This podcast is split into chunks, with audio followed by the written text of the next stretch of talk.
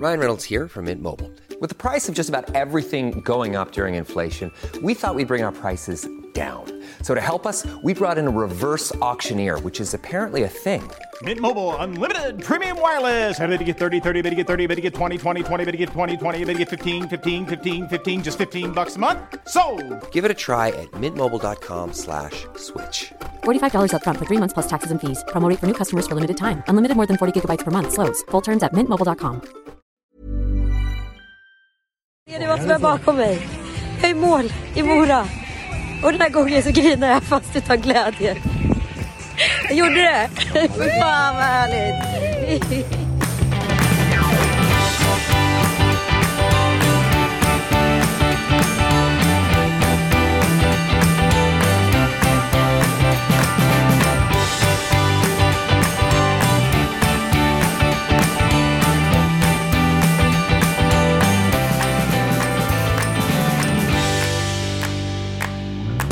Hej och välkomna till Lillelördag i fädrens spår. Ja, verkligen i fädrens spår. Alltså, förra året så exakt på dagen stod jag ju lipa i Evertsberg. Det är ju den filmen, sekvensen, den har ju du gillat att plocka upp här i podden. Ja. X antal tillfällen. Så jag är väldigt nöjd nu att få leverera en glädjefilm. Precis.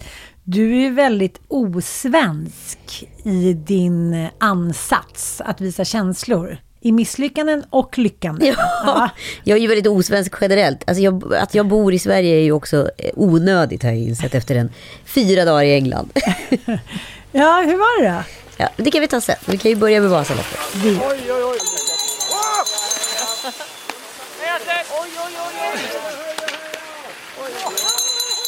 Uff, mycket dramatik. Otroligt mycket dramatik. Och jag vet inte, det verkar som att du och jag bara behöver sätta oss i en bil så blir det dramatik. Ja, det är Otroligt roligt. Ja, strax innan Mora kom vi på att vi hade glömt alla sängkläder. Ja. Fick vi, hade vi tre minuter på oss att handla inne på Ja. Rusta. De ville slänga ut oss. Vi lyckades få med oss då upp. Sen kom jag på en briljant idén att vi fick lite tid över eh, dagen innan Vasaloppet. Så här, eh, vi sticker till slalombacken och hyr lite skidor och så kör vi några åk. Väl upp i backen kände jag att det var väldigt tungt att andas. Ja. Och jag kände att min sjukdom gjorde sig påmind. Och var absolut inte säker på att jag skulle kunna åka det där loppet. Nej, det var väldigt eh, mycket tryck över bröstet och också lite tryck överallt eftersom vi hade också glömt att lämna nyckeln till teamet. Ja. Så den låg i bilen så det är liksom, det är små sidospår hela tiden. Ja. Det är inte en lugn sekund, det är inte som att vi är på hälsohem. Men alltså, jag har nog aldrig varit på någon resa med dig där jag har tagit det lugnt. Nej, det verkar inte ligga för oss. Så, vi- vi hade ju lite mensproblem också. Ja, det, Också att du helt ogenerat går upp på morgonen, så stackars teamkillarna sitter där och käkar frukost. Kommer du med liksom en stringtrosa, en sån här mensbinda som sticker ut bakom, ingen bakom mens. Den var, stjärten. den var slut då. Så jag var så här, sekundärskammen jag känner när du gör sådana där grejer. Män måste härdas, det har vi märkt nu på den senaste Men de där männen är ju för fan debatten. 25 plus män. Det är så fruktansvärt generade. Ja, de blir det, men de ska härdas.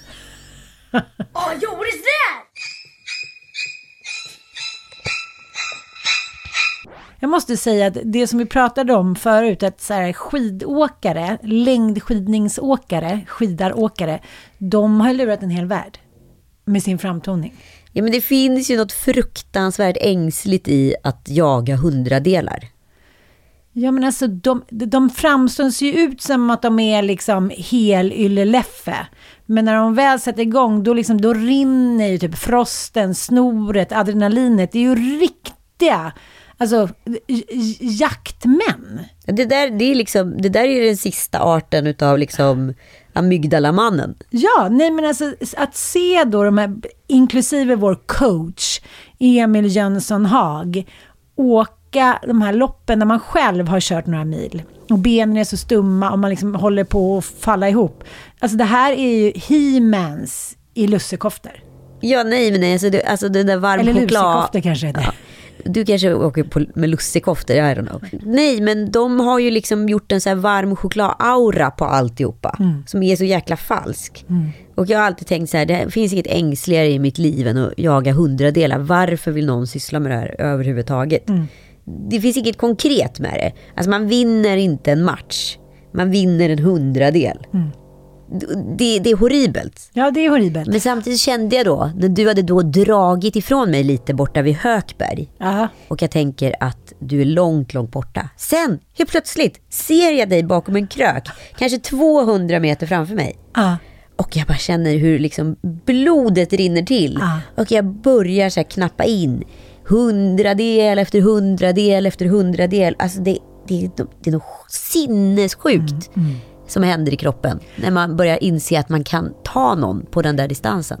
Och jag tror också om du tar ett, liksom, om man ska säga ett snabbare lopp, om du ska åka liksom en slalomtävling eller springa 100 meter, då är det så här, ja men the fittest survives. Alltså då måste allting sitta Ja. exakt den dagen.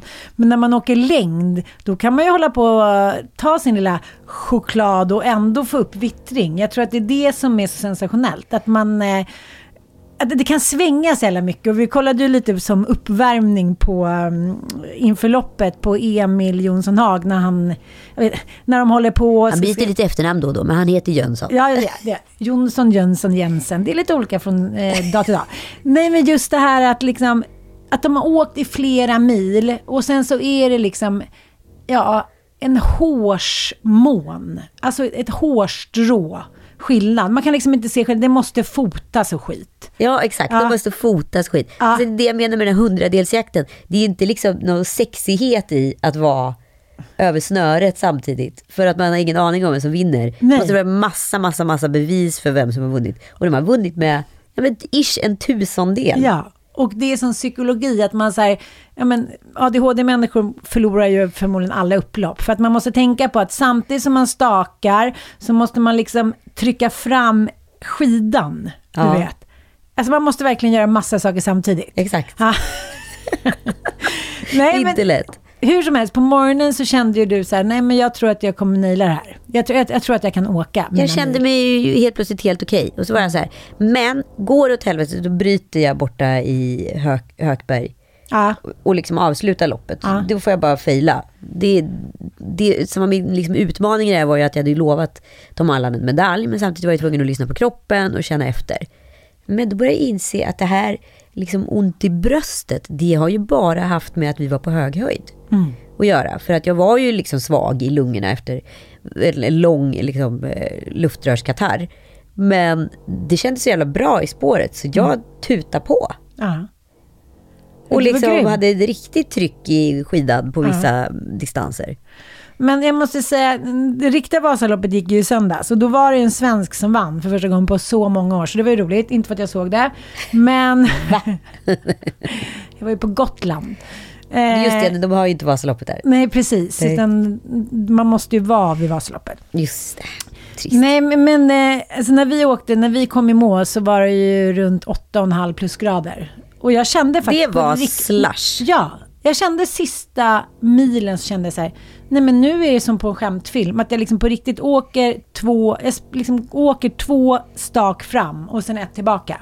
Jag bara kände sig som att det var liksom som måndag hela veckan. Ja. Och jag tittade runt lite, vi var ett litet gäng som följdes åt och vi var alla så här, nej men det här går ju inte.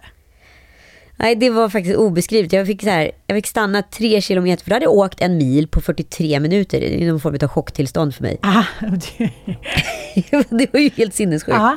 Och tänkte så här, men herregud, hur har det här ens gått till? Och sen är det då tre kilometer kvar. De Mm. tre kilometerna, de tog 30 minuter. ja, jag vet. För att det gick liksom inte i 8 plusgrader att komma fram. För det var som att åka i en sån här, ni vet slush som säljs på olika snabbköp. Eh, som barn älskar, som är som iskross. Det, det var liksom helt sjukt. Och precis innan man kommer in i Mora så åker man förbi en stor idrottsstadion. Liksom. Alltså Ja, innan man ja, kommer in till Fädernespåret där. Eh, där har en gubbe åkt av. Han är där jag var i Evertsberg förra året. Han skakar i hela kroppen. Han kan liksom inte ta ett steg. Han kan inte röra sig. Jag försöker stanna. Det känns som att jag är på ett krigsfält. Jag bara, vill du ha hjälp? Han bara, nej, kör du! jag bara, är du säker? Ja, åk! Och så ser jag liksom att han så fortsätter stappla på. Han kommer liksom inte upp ur diket. Nej. Det, han kan inte ta ett kliv. Han är helt slutkörd i Han benen. dör på kuppen. Han dör på Ja. kuppen. Och jag lämnar honom i liksom skyttegraven och tar mig vidare. Det här är fan som krig. Det är krig. Det är liksom som världskrig. Men det som är intressant med Vasaloppet är också att man... Så här, Vem är fiende? Är det hundradelarna? Ja, det är hundradelarna. Alltid hundradelarna. Och bullarna. Exakt. Det, det som är intressant med Vasaloppet är att du kan ju verkligen göra det till ditt personliga lopp. Alltså, om du vill göra liksom som en elitidrottare och tävla mot tiden, så gör du ju det. Annars så handlar det om distansen att ta sig mål. Liksom. I mitt fall så var ju min ambition att ta mig i mål, men så blev det ju ändå ett krig med tiden. Det skulle jag absolut inte göra, men så blev det ju. Men Och du med. Du Ja. skulle försöka ta Emils nio mila tid Ja. på halvtid. precis. Du ska köra fyra och en halv mil på fyra Och- timmar och, och- 12 minuter. Nej, 4,17. 4.17. Mm. Och det var ju samma sak för mig. Eh, Den där milen som, som eh, kändes så bra, då tänkte jag, men gud, jag, nu har jag en chans. Så det var så nej tack, jag vill inte ha någonting, ge mig bara lite vatten, ge mig lite sportdryck. Och jag var så kissnödig. Jag var kissnödig redan när vi eh, skulle åka eftersom vi kom lite sent till vår egen start. Vad menar du? Jag kände det att det var som i Göta kanal, upploppet där. Men hur många filmer finns det med Göta kanal? Jag måste bara fråga. ja, det, det, du Lika många som det finns som Vasaloppet. Ja, jo, men första Göta kanal med Janne Loffe Karlsson Ja. och Per Oscarsson och allihopa. Då är det ju en sån här upploppslåt. Ingen skugga ska falla på någon pojke i teamet, men det var ju lite otydliga direktiv. Ja, det var det. det, var det. Det var det. Dagen innan vi ska åka Vasaloppet har vi varit vid liksom själva checkpoint Oxberg. Och vi tror ju att vi ska tillbaka dit dagen efter när vi ska åka själva Vasaloppet. Nej, det skulle inte. Det skulle till Oxbergsstarten. Ja, och det var väldigt svårt att hitta dit. Ja, och vi hade inte fått någon info om att vi skulle vara där. Så när vi skulle vara vid själva starten, då är vi vid Oxberg checkpoint. Och det är ungefär en kvart emellan. Så vi får ju hoppa in i Audi A5 och sladda oss genom Dalarna i en rasande fart. Men det blev ändå lite fel alltså. Det blev ändå lite fel. Och det var lite så att det var verkligen som Göta kanal, för där är ju alltid att det har hänt någonting. Antingen har de liksom saboterat för varandra, eller också att de vaknar upp med liksom i någon kohage. Det finns ju alltid så här, den mänskliga faktorns losers. Ja. ja.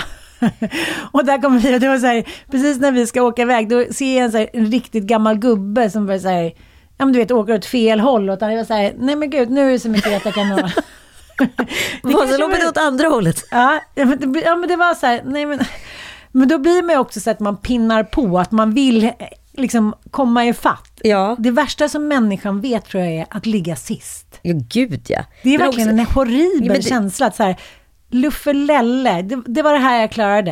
Jag Nej, men, kunde- ja. fruktansvärd känsla att se liksom, vi kommer insladdande där på parkeringen Ja. i liksom alldeles för hög hastighet. Alla åker. Och så ser vi liksom hur alla åkarna bara åker och bara såhär, nej det är inte sant. Och liksom tyckte att jag hade packat bilen bra, sen var det total förvirring vad vantar och stavar och mössor och allt var. Men tänk sig, jag, jag tänker att vid ett sånt tillfälle så kan man ändå gå vidare och, och tänka att det där kunde varit avgörande för vårt liv. Ja, Du vet, det var så här, det kommer någon jävla kofösare och så här, man kanske ska gifta sig, man kanske ska på en begravning, man kanske ska hinna med en båt och bla bla bla. Det brukar jag tänka också när det är så här, Amerikabreven kommer fram så här. För 120 år sedan skickade Greta Andersson från Motala ett brev till Erika van der Steen att hon ville gifta sig med honom, att hon älskade honom. Hon hade inte vågat säga något innan hon for. Och så kommer det fram så här 40 år senare, when it's too fucking late. Nej, det, uh, ibland kan jag få lite panik över att så små, små detaljer. Som, ja, men som när vi var tvungna att vänta då, som du sa, för att de var tvungna att fixa spåret. ja. Ja, det gjorde att vi, att vi missade starten. Tänk om vi hade liksom tränat för det här i sju år. Ja, nej, nej, nej, jag hade kunnat knäckt vilken man som helst. Ja, jag- det tycker jag blir så himla tydligt. Hur allvarligt alla män tar de här hundradelarna och de här tävlingarna. Det är liksom deras livselixir. När kvinnorna inte längre vill ha dem, då måste de ha någonting istället. Det har vi pratat om innan. Det kanske är de här hundradelarna och blåbärssoppan. Ja, det, det Det måste vara kanske det. är gammgubbarnas porr. Det är den nya porren. Man kan ju alltid hoppas på det. Nej, jag vet den- inte, för att det finns en besatthet som inte är sund där ute i Sverige. Nu gör man allt från Vätternrundan till liksom Vansbro och simmet och hit och dit. Är det liksom den sista bastionen för att vi ska få känna oss som he-mans och he-kvinnor? Jag vet inte. För tjejer verkar mer göra det så här, gud vad roligt, ska vi åka tjejvasan tillsammans? Vad mysigt, då åker vi dit, kan vi vara där några dagar, så kan vi käka middag, dricka lite bubbel, bla bla bla. Och det är precis det som Jonathan Unge kritiserar oss kvinnor för.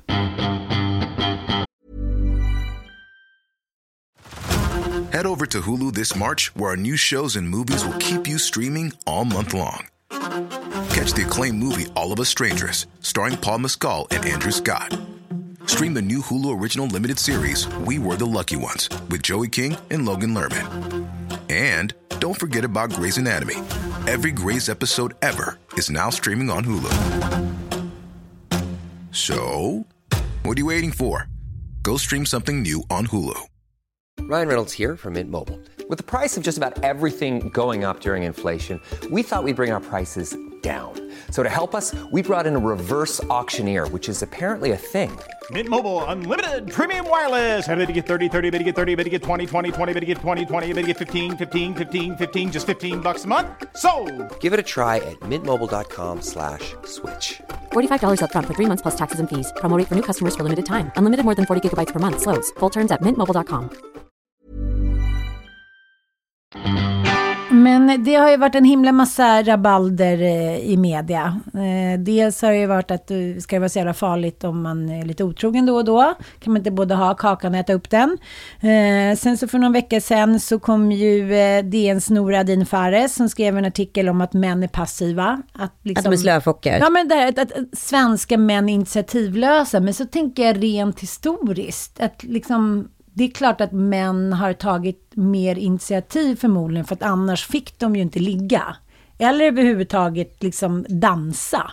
Allting skedde ju på mannens initiativ. Så är det ju inte längre.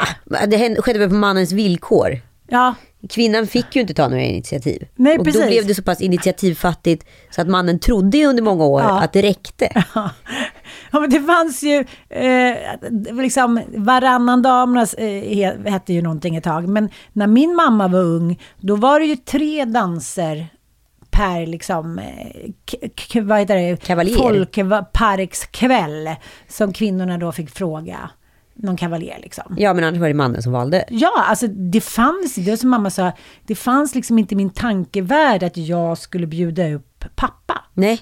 Nej, det är så här, då, då ska man typ vara ho. Ja. By-ho. Ja.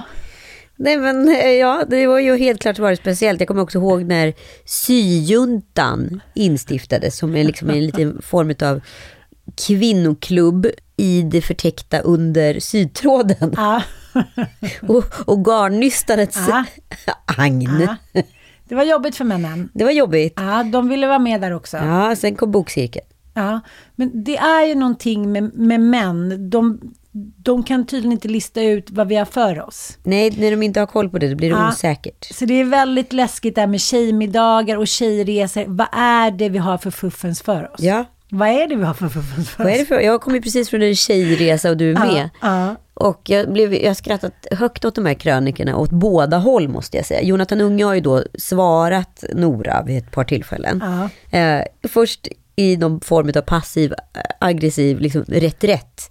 Och varit så här, ja vi är usla, punkt. Där vill han ändå vara storsint. Ja, Ja, men sen ångrar han sig. Ja, sen, sen gick det någon vecka, där kände han så här, det ska de inte ha brudarna. Nej, det De får du ska fan sluta inte, gnälla. Nej, de ska inte ha liksom mer än halva kungariket och sen även detta.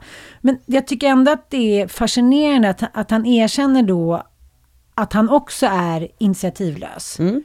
Eh, ja, men lite så här, ja det är man väl ungefär. Ja, men om jag ska se på min egen sambo och hans far eh, i rakt nedstigande led. Och det är inget ont om dem. Men de är liksom, de, de, de, man ska inte anklaga liksom någon för att här, ta ut svängarna och tänka utanför boxen.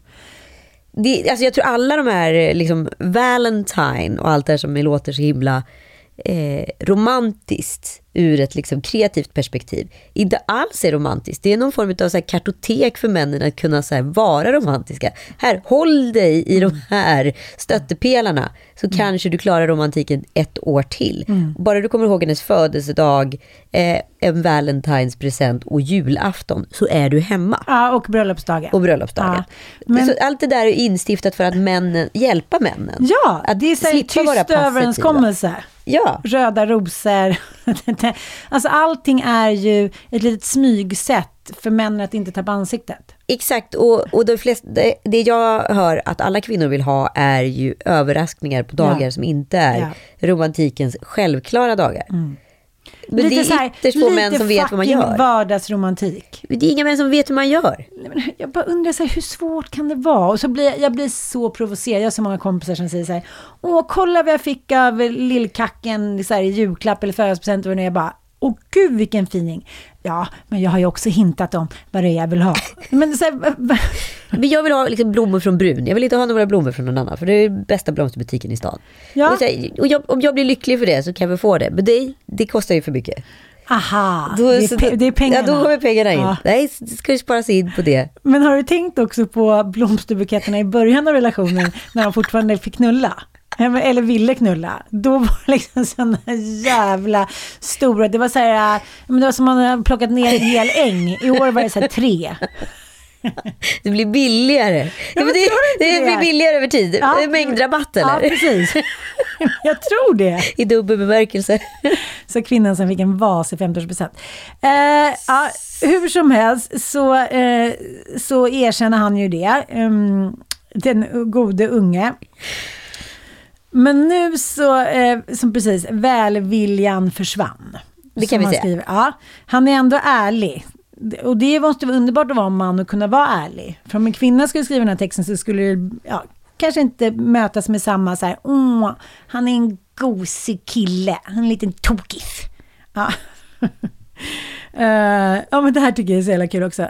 Jag måste faktiskt citera. En före detta flickvän sa en gång att hon inte kunde förstå vad det var som drev mig.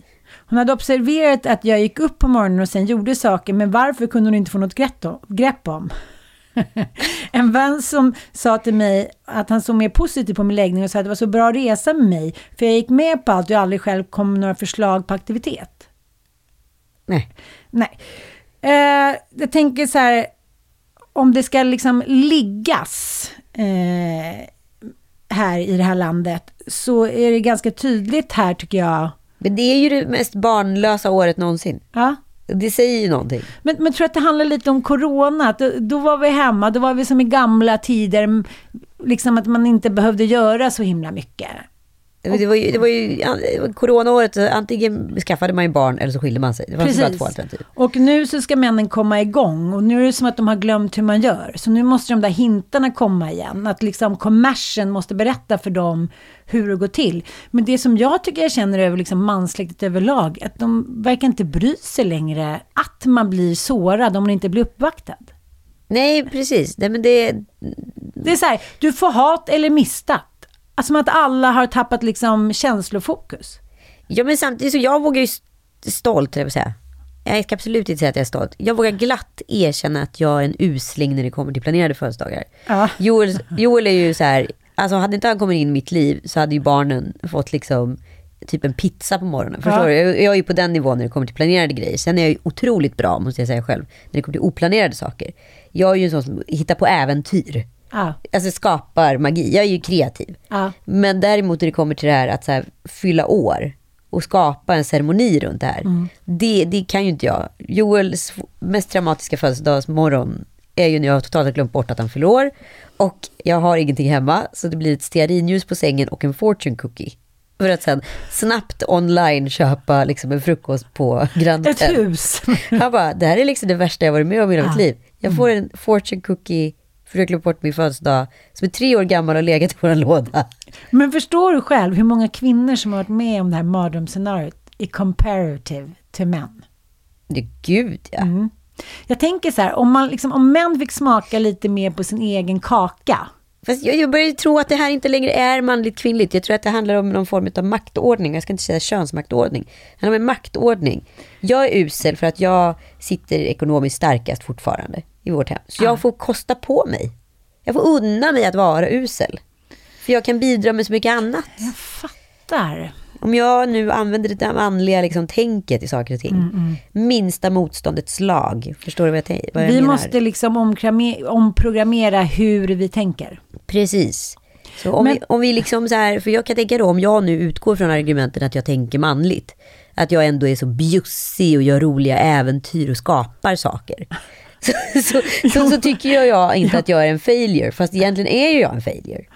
Jag fattar, men du, du har din lilla fjäder med så här, jag är fru Fortuna, jag fixar allt för den här familjen, så att om jag liksom missar någon födelsedag Någon hundradel då och då. Ja, Då är det okej. då vinner jag ändå Vasaloppet. Ja. Men, men jag tycker det är så väldigt roligt med Jonathan Unge, för att han är så här, eh, att han, då, han skriver så här, att jag blev arg över något som är både sant och som jag dessutom är fullt medveten om, att det är så himla oattraktivt och irriterande att vara passiv. Jag blir själv galen på passiva människor, tar hellre en jobbig galning som, som vill något än tvärtom. Och det, det är den här eh, inställningen som jag tycker är väldigt intressant. Han föraktar själv passiva människor som inte vill någonting med hen som bara följer med. Mm. Men bara gentemot andra. Själv tycker han att han minsann kan vara hur medhej som helst. Utan, ja, typ lite kanske i sig skydd av, gör den sköna killen. Är det någon som så gärna vill sova i en bil eller gå på rave, då gör vi väl det då. Ja. Jag, Men jag tror att det, det Jonathan Unge ändå gör här som någon form av tjänst för manligheten. Det är ju att han är självkritisk. Jaha. Han är liksom blottande. Ett tag. Ja, men han berättar att han är usel. Men sen vänder han. Mm. Och vad är det han säger? Han säger att det är svenska kvinnor som borde rannsaka sig själva. Att vi har gått på myten om oss själva. Men jag är ju lite kanske där inne på samma spår. Ja, eh, då tycker jag eh, att då tycker jag att vi tar upp den här. Men säger det här någonting också om mig då som utifrån det här jag pratar om, att vi pratar mer om en maktordning än pratar om en könsmaktordning? Men du menar då att du vill fortsätta vara mannen i relationen? Nej, Nej. eller jag vet inte. Jag bara känner att så här, svenska kvinnor är usla. Ja, alltså det kanske vi är. Ja, men han är ju hård alltså. Men, men grejen är att eh, han inleder ju så här. Att han skulle ha inlett sin krönika. Det är ju ett gammalt beprövat knep. Exakt. Ja, då kan jag man säger någonting som jag inte borde Ja, sagt, men man- jag sa det ändå. Precis, man kan inte riktigt bli fälld. Nej. Blir det rättegång så kan han fortfarande ha chans att gå fri, ut som en fri man. Den skulle ha börjat så här. Om glåmig var en etnicitet och ett kön hade det varit den svenska kvinnan. Och om ni nu har järnbrist hela bunten, hade ni dött av att ta en kapsyl blodsaft någon gång då och då. Men jag tyckte att det blev lite hårt. Kände att jag skrev affekt att i slutändan mest skulle slå tillbaka på mig själv. Väldigt roligt. Eh, men det som, det som han gör, till skillnad mot många kulturskribenter, det är att han ändå liksom öppnar ett så här... Eh, ja, kanske är det så eller så är det si. Jag ser mig inte som en kvinnohatare även om min flickvän påstår att jag gör det. En gång sa jag att hon undrar vad kvinnor gjort mot mig i mitt liv för att jag skulle bli som jag blev. Jag tänkte efter ordentligt och kom fram till att jag nästan uteslutande blivit väl behandlad av kvinnorna i mitt liv. Så om jag är kvinnohatare så säger det nog mest om mig. Vidare då i krönikan, så han är irriterad på att han tycker att, eh, att män då beskylls för att vara tråkiga. Svenska män beskylls för att vara tråkiga. Eh, ja, som att italienare skulle vara så mycket bättre då. Liksom. De bor ju hemma tills de är 38. Och även hans egna mamma Cecilia Hagen, som är väldigt eh, känd skribent på Expressen sedan 300 år tillbaka, har ju sagt att alla kvinnor borde få vara två veckor med en italienare. Just det. Och min största skräck är att vara två veckor med italienare. Jag kan säga, jag har varit två veckor med en italienare. Ja, det- Nej, vi måste stanna här nu. Nu måste vi köra en Filip och Fredrik-utveckling. Nej. Jo, jo, jo, för att jag, jag måste faktiskt, italienaren, han har inte gjort särskilt mycket intryck på mig. Jag har hånglat med italienare, det, det, det, så långt jag har kommit och det var inte särskilt roligt. Italienaren var ett rugbyproffs. Jaha, Visst. en italiensk rugbyproffsare. Ja. Finns Men han det var också flygplanssteward. Oj, ja. jag har flygplats. Jaha, Vilket, vilket också var så här Doppfel. doppfel. Aldrig varit med om, när jag var på Café Opera med honom, en sån bög-crowd runt omkring. Men var han tvestjärt?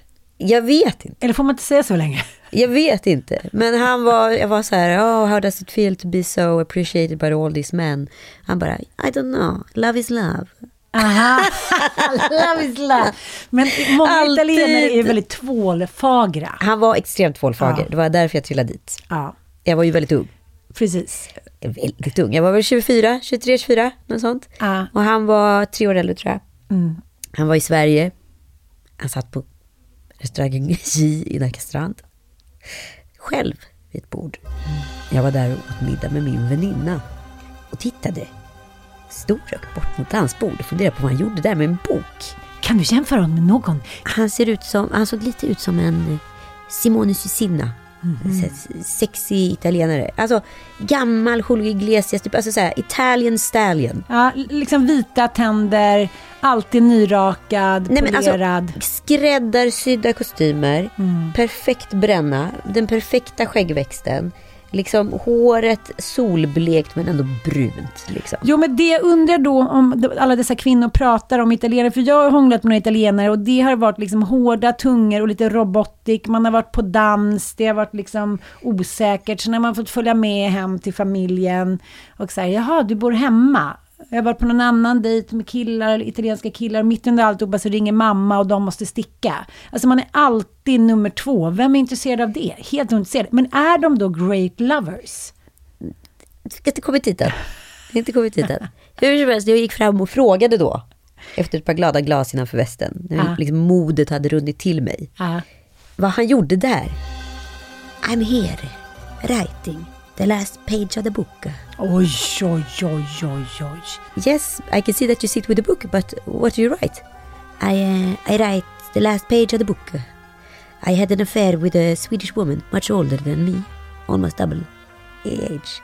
And now she has left me.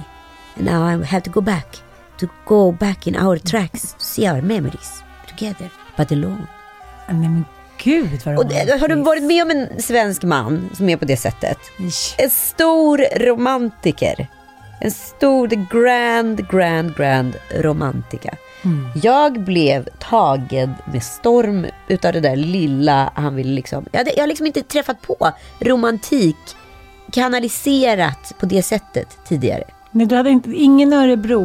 Nej, men ingen en i Stockholm hade heller visat någon Nej. form av så här spår av att vilja Nej, jag fattar, jag fattar. uppleva lida av passion. Mm. Han var i lidelse. Men han hade också sett den stora kärleken. Och jag var ju så här, show me love, show me what it's all about, Mm. som Robin hade sagt. Och det gjorde han. Nej, det, nej, det, nej, det här går för snabbt. Jaha. Det gjorde han. Ni var nu på J, en ganska kackig restaurang eh, i Nacka Men det strand. var inte då. Nej, men så här, du Ja, går för fort fram. okej, okej. Jag, han sitter Ja, men du får ju där. intervjua mig då. Okej, ni var där på J. Och sen så helt plötsligt så hade han skrivit klart den sista sidan. Eller ville han att du skulle vara Det här är ju det här jag inte vet. Om det här var liksom en poserande grej. För han satt ju där med boken när vi kom. Mm. Alltså dels var han ju välklädd på ett sätt som jag sett ytterst få män vara. Mm. Dels så var han liksom mån om sitt yttre utan att jag, som jag upplevde i alla fall honom, vara uppenbart homosexuell. Nej, du, du var osäker. Nej men han var ju inte, alltså, så här, han var, jag upplevde att jag fick ingen gaydar. Alltså min gaydar slog inte i taket på något sätt. Mm. Men, men liksom, det var ju otroligt ovanligt att en man brydde Var välklädd. Ja men var Var det- välklädd och välvårdad. Men var det inte det det, var liksom handlade ingen, om? ja men det var ju ingen jävla baksnus så långt ögat nådde. Det var Nej. liksom ingen tuss i näsan som stack ut. Liksom. Det var, det Det var, var, ingen lång nagel så långt ögat kunde nå. Nej, men, det var fräschör. nej, men det- svenska snubbar är inte fräscha. Kan vi komma överens om det? Det släpps brakar och det är långa tånaglar. Men hur många så här långnäsade hårmän såg vi i Vasaloppet? Nej, ni kommer inte få ligga. I så ska det vara mörkt och vi ska vara fulla. Bakifrån. Nej, men det kan inte vara men börja klippa den där lilla tussen i näsan. Det kan inte vara så svårt. Och, och göra Jag tänker att det är en provokation. Att vi inte ska få det vi vill ha. Nej, men, Okej. det, det, uppenbarligen så är vi ju så svältfödda. Så Ja, nej, men jag kan när inte han kom- andas. Fortsätt, Han fortsätt. kommer dit och skriver den där sista, sista sidan på sin kärlekshistoria. Så stänger han boken och öppnar en ny bok då, med mig. Tänker jag. Ja, du tänker att du, du vill ligga för att få vara med i en bok. Nej, men för, han kallade ju, det var ju en metafor för att han var tvungen att avsluta Jag fattar, jag fattar. kärleken. Men att jag då kom Jag dit, var själv i Tyskland. Jag måste åka tillbaka. men att jag då kom dit och blev hans nya kapitel på något sätt. Det var ju, det var ju too good to be true, vilket det såklart var. Ja, och jag bara tänker så här, kan man inte bara få gå på myten? Vi, det är som du säger, vi är så svältfödda, så när någon är romantisk, då blir man så stressad så att man säger, men gud vilken, vilken tönt typ. Oj, eh, vem tror han att han är? Han spelar romantisk. Men sen var han ju då tydligen någon form av rikemans barn som var lite lätt utstött för hans pappa accepterade absolut inte hans ru- rugby slash stewardkarriär. Och han älskade att flyga sa han, så det var därför han ville vara steward. Man älskar ju att flyga. Ja, okej, okej. Ja, det, han var ju då egentligen någon arvtagare till någon form av fastighetsimperium där i Rom. He said. He said. She said. Men med den garderoben så, ja, skulle kunna tänka på san- tanken. På den här tiden var ju också Gina Kastrand en rätt ansedd restaurang. Nu Ja. pratar vi alltså slu- början på 90-talet. 30-talet. Okej, så att du, du övergav din väninna. Nej, jag gav ingen väninna. Vi åkte allihopa glatt till, eh, till Café Opera. Efteråt han var så här, can you show me Stockholm? Och då sa vi så här, ja, vi åker väl till Café Opera. För jag tänker att han får se lite kulturhistoria. Han ska ändå känna lite gobelänger i taken och hej och hå. Samtidigt är det Lite cola på toa. Ja. Mycket möjligt. Ja. Och, och sen så gick vi till Spybar. Och efter det där så sågs vi under en veckas tid, eh, typ varje dag, Var? i Stockholm. Var? Men o, olika ställen. Nej, Han bodde ju på ställen. hotell. Ja, men du var väl på hotellet? Ja, det är klart jag var på Det hotell. enda jag är intresserad av är ju, är italienare bra älskare? Helt okej, inte fantastisk. Nej. Eftersom den pyramiden som du alltid pratar om att kvinnan måste vara högst upp. Ja, Där är ju Madre Mia. där är Madre Mia. Mm. Så det kan, inte, det kan inte bli bra. Det blev inte så bra. Det kan aldrig bli 100%. Nej. Men sen fortsatte vi hålla kontakten. Så vi, vi hade liksom en lång korrespondens under kanske ett, två års tid. Och jag åkte faktiskt till Rom för att träffa honom. Var han inte där? Han körde en... Han ghostade mig. Gazn. Gaslighten. Gaslighting, yes. Det där är min största skräck. Ja. Det är flera jag känner som har varit i olika storstäder bjudna av karaslokar som inte har dykt upp. Det är hemskt. Nej men det, det är skottpengar på Det är den. skottpengar. Ja. Och sen skulle vi ses på Sardinien. Det kom han inte heller. Sen la jag ner. Vänta nu, vänta nu. Du, du åkte till Rom, han var inte där. Du gav honom ändå en chans till, för fan vad svenskt. Så jävla Nej. svensk. Förstår du hur svältfödd jag var på romantika? Ja, fy, fy. Han tyckte säkert inte om mig egentligen. Men skitsamma, jag tyckte om honom. jag var glad. Jag ska nu träffa honom i Frankrike. Nej, han dök inte upp. Nej, men det här är ju ett problem. Och jag, jag måste ändå säga att när vi pratar så här så blir det ju också väldigt så här... Eh, så är den typen av män, så är den typen av män. Vi är ju inne i Madonna-hora-komplexet, fast ja, om män. Är, ja, fast å andra sidan tillbaka till Jonathan Unges krönika där han dissar kvinnorna. Mm, så förstår ju jag varför Simone, som han hette, dissade mig. För jag var nog inte en sån skön brud. Jag ville nog vara den där tjejen, kvinnan, den där mogna kvinnan som han kanske hade blivit kär i idag, i Anita. Fattar, Men på den tiden var ju jag liksom en, liksom en pigelinglass i sammanhanget. En liten grön istapp. Ja. som var lite söt i smaken, men också rätt syrlig.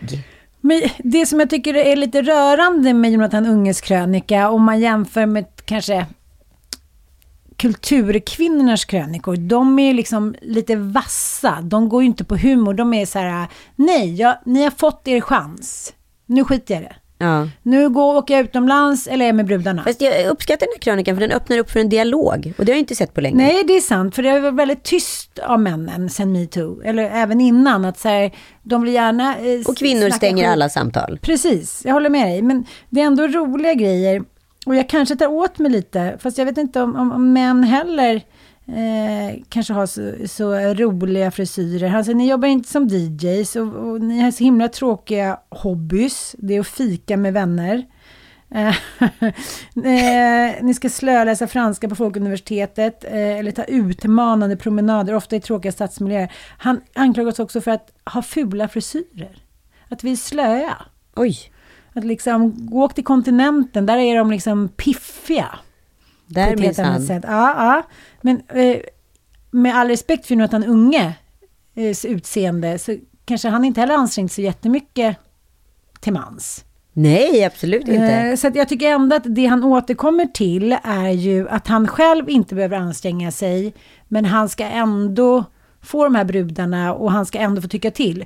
Det tycker jag är den stora skillnaden om man jämför med kvinnor. Kvinnor säger så här, jag har gjort allt, jag har gett er en chans, jag har liksom påmint er om dejter, jag har fixat festerna, jag har liksom varit både madonna och hora hit och dit och ändå blir det ingen leverans. Men har vi inte Jag båda precis nu, just nu sagt exakta lösningen på det här problemet?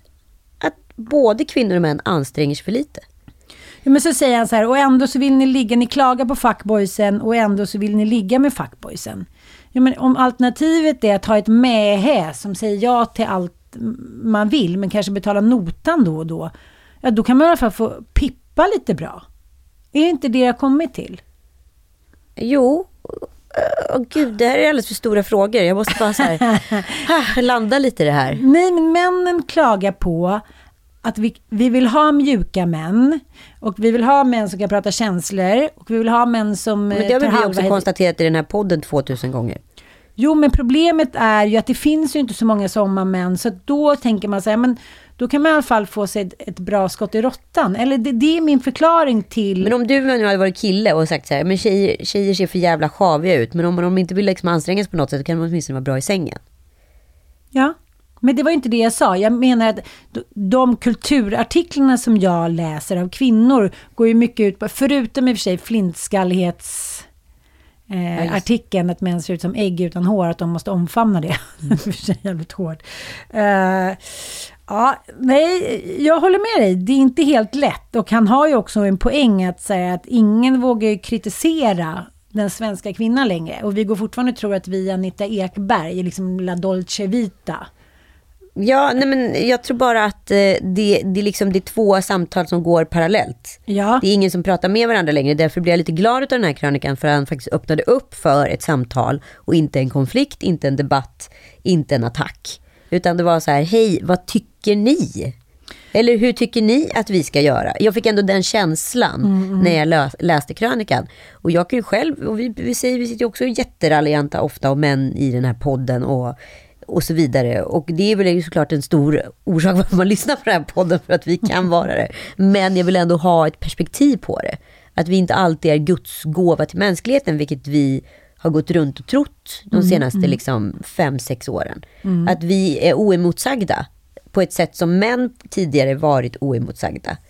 Alltså hur skulle jag då, om jag nu omfamnar Simone, min italienska stallions, eh, som inte var en stallion, eh, liksom approach till kärlek. Hur skulle jag våga vara en blödande romantiker, men ändå vara liksom vass i huvudet, ha en lustfylld humor och vara en passionerad älskarinna? Hur får jag ihop den här bilden av mig själv utan att göra våld på mig själv i någon form av könsmaktsordning?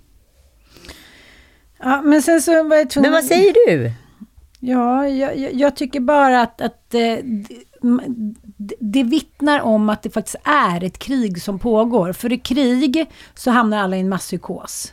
Propagandan kommer från ett läger och många liksom sväljer den med hull och hår. Och man undrar efteråt så här, hur gick det där till? Schyssta män, schyssta medborgare som bara svalde den där idiotens propaganda med hull och hår. Är det inte lite samma sak nu? För jag tänker, i en annan krönika av Marie Andersson Vogel som är kulturskribent och doktor i socialt arbete så skriver hon eh, att hon hade hoppats på lite mer nyansering. Liksom. Eh, hon önskar sig ett samtal som handlar om den mångsidighet i som ryms vad det innebär att vara man eller kvinna. Hon tycker att vi har hamnat i ett liksom biologiskt na- narrativ liksom, som är på något sätt nykonservativ. Så här. Män ska man akta sig för, män är eh, liksom män ska man vara rädd för, för de vill slå en typ. Och det var ju någon som också sa att så här, män är rädda att kvinnor ska skratta åt dem och kvinnor är rädda att män ska slå, slå dem. Det blir också lite så här, det finns ju, om, om jag tänker de män som jag har träffat och både haft sex med eller haft relationer med, så finns det ju såklart tusen olika nyanser av män. Sen tror jag att någonting som händer när man skaffar barn med en man, då är det lätt att hamna i det här svartvita anklagelserna, könsmaktskriget. Men om jag tänker tillbaka innan dess, så kände jag inte alls att liksom, tyckte jag män var väldigt eh, icke svartvita om jag, ska vara helt ärlig. Mhm. Så att, kan det vara lite så att vi faller liksom i den fällan? Och att svenska män och kvinnor kanske är dåliga på, om nu ska översätta Madonna Hora-komplexet då, att så här, att man, man vill vara lite crazy och banana så träffar man någon som ska bli mamma till ens barn och då helt plötsligt så är det som att det läggs Ja, men, som att man blir någon så här kedja i någon tanke om, så här, tänk om hon tror att, att jag ska eh, vilja stoppa i, liksom, ha lite kinky sex och kanske analsex, då kommer ju hon inte tycka att jag är någon framtida man till hennes barn. Det, det vittnar bland annat den eh, ståuppshowen som vi kollade på eh, uppe i Dalarna. Jim Jeffries High and Dry. Precis, Precis, när han pratar om eh, parsex. Ja. Parsexets fyra positioner. precis. Det är väldigt roligt. Ska vi lyssna på det? When you're in a relationship, a long term relationship, you settle down into four positions. You start out with more, but as the relationship gets on, you settle down to your core four. The four positions you always use. You both know your core four, but neither of you have ever talked to each other about the core four. Right now, you're thinking about your core four. And in the car ride home, you'll talk about your core four. We're all doing two the same. Her on top, him on top. These are classics. They're not going anywhere. Then the other two are variables for your relationship. And they are the one that helps her come and the one that helps him come. Your finishing positions. Mitt resonemang är så här. Nu har jag suttit och läst massa så här flashback och bla, Madonna, hora hit och dit. Att så här, massa kompisar som säger men fram till vi skaffade barn då var det liksom jävligt kinky och härligt och vi kunde göra både det ena och det andra och sen var det som att liksom min snubbe bara så här då blev jag bara morsa i hans ögon och jag kanske blev det i mina ögon också. Men är det någon som upp, orkar upprätthålla ett kinky sex in i en liksom, sex till 60 års relation utan att liksom så här liksom slå knut på sig själv? Nej men vi kanske också, det är som du säger, vi kanske har gått på myten om oss själva att vi tror att vi gör så jävla mycket för mannen efter att den här första ett året har gått. Men det kanske bara är liksom, vi kanske bara minns det där första året. Jo, men jag tror att vi alla lever på gamla meriter, inklusive liksom gamla fotbollsspelare eller skidåkare som jagar hundradelar. Alltså så här, alla lever vi på att vi var någon annan någon gång. Men Jag pratade med en kompis som eh, hade varit på någon, på någon så jobbresa. Och det var en man i den gruppen eh, som liksom hade varit liksom känd för 20 år sedan.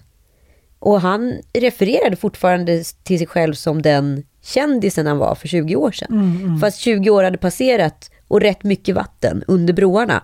Och det var ingen annan i gruppen som såg på honom som känd. Men, men liksom han gick runt med den kejsarens nakenhet på sig. Helt ogenerat. Ja. Och alla var ju så här, varför... Du, du fattar, Allt jag har gjort för dig. Ja, och du fattar, du, det var ju rätt många som bara sa, vem är han? Ja. Det, vilket blev också så komiskt i sammanhanget. Liksom. Men jag bara tänker att vi alla kanske lever på för många gamla meriter. Så att så här, om man ska ta det i tur och ordning så är man inte bättre än sina fyra, sex positioner enligt Jim Jeffries. Och det kanske handlar om att man inte ska gå på den, liksom, den romantiska och så här, sexprogressiva myten. Tänk om man bara tänkte så här en vecka, jag är jättenöjd med de här fyra ställningarna, jag är jättenöjd med det där håret i näsan. Då kanske det skulle bli en helt ny sexvåg. Och även kvinnor och män då får jaga sina hundradelar i sängen innan orgasmen.